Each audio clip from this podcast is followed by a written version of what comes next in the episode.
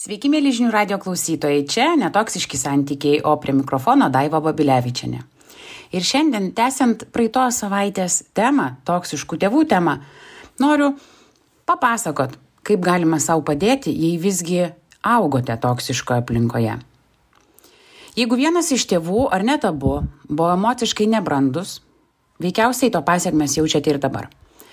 Trapi savivertė, noras įtikti visiems, pasitikėjimo savimis toka, emocinis uždarumas, sudėtingumai, kuriant santykius - tai tik dalis to, ką patiria jau suaugę toksiškų vaikų tėvai. Tačiau pasveikti ir susitvarkyti savo emocinę ir psichologinę gerovę yra tikrai įmanoma. Neprivaloma tęsti iš kartos į kartą perdodamų elgesio modelių, mąstymo modelių. Tikrai galima aukti ir tobulėti, tapti geresniu, kad ir kiek tai banaliai skambėtų žmogumi. Ir štai keletas būdų, kurie gali pradėti gydimo ir pačio pokyčio kelionę. Tai yra, gali jums padėti susivokti, kas nutiko ir kaip tai pakeisti. Vienas iš pačių pačių pirmiausių dalykų, ką reikia pripažinti savo, tai yra, kad tėvai turėjo problemų. Tas pripažinimas nėra skirtas tam, kad labiau pradėtumėm kaltinti ar lieti pykti. Tai labiau tam, kad nereiktų eikvoti energijos klausimų, o tai kas su manimi yra negerai. Tad pirmasis tas žingsnis - pripažinimas, kad kaip aš augau, buvo mano tėvų asmenybė ir jų auklėjimas, o ne mano kaltė.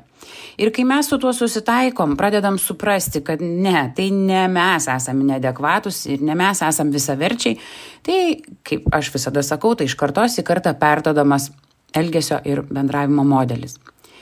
Mes esame tokie patys svarbus kaip ir kiti žmonės, net jeigu esame užaugę toksiškoje aplinkoje ir nesijautėme emociškai saugus. Šis pripažinimas suteikia daugiau mentalinės erdvės mokytis mums savigarbos, patirti kitokią meilę kitiems ir savo. Ir tai tikrai uždaro klausimų ciklą, kodėl taip nutiko ir pakeičia nauju, kaip aš savo galiu padėti. Nes kad ir koks tai yra šiek tiek etiketės klyjavimas savo tevam, mums tai leidžia atsispirti nuo tam, atskait, nuo tam tikro atskaitos taško ir judėti pirmin. Ir tada galima eiti prie antro žingsnio Tai yra skirti laiko toksiškų santykių ar toksiškų tėvų analizai. Nebūtinai savo, bet tai yra grinai literatūros informacijos studijavimas. Nes pripažinkim, labai yra sunku išspręsti problemą, kurios nesuprantame. Tad šiek tiek laiko reikėtų skirti, kad daugiau surinktumėt informacijos apie tai, kaip pasireiškia tas toksiškas tėvų elgesys. Galbūt atpažinsite savo tėvų bruožus, o galbūt pamatysite, kaip jų iškreitas elgesys tiesiogiai paveikia jūsų gyvenimą. Na ir kai suprasim, kokia yra problema, tikrai yra lengviau suprasti tiek savo emocinės žaizdas, tiek rasti jų įveikos būdus. Ir čia labai rekomenduoju Susan Forward knygą Toksiški tėvai. Tada sektų trečias žingsnis, e, tai yra atsiribojimas, jeigu reikia nuo tos toksiškos aplinkos. Tai yra būtina. E, turite turėti laiko ir erdvės pažinti ska, savo skausmą, o tai įmanoma atsiribojant nuo to skausmo šaltinio.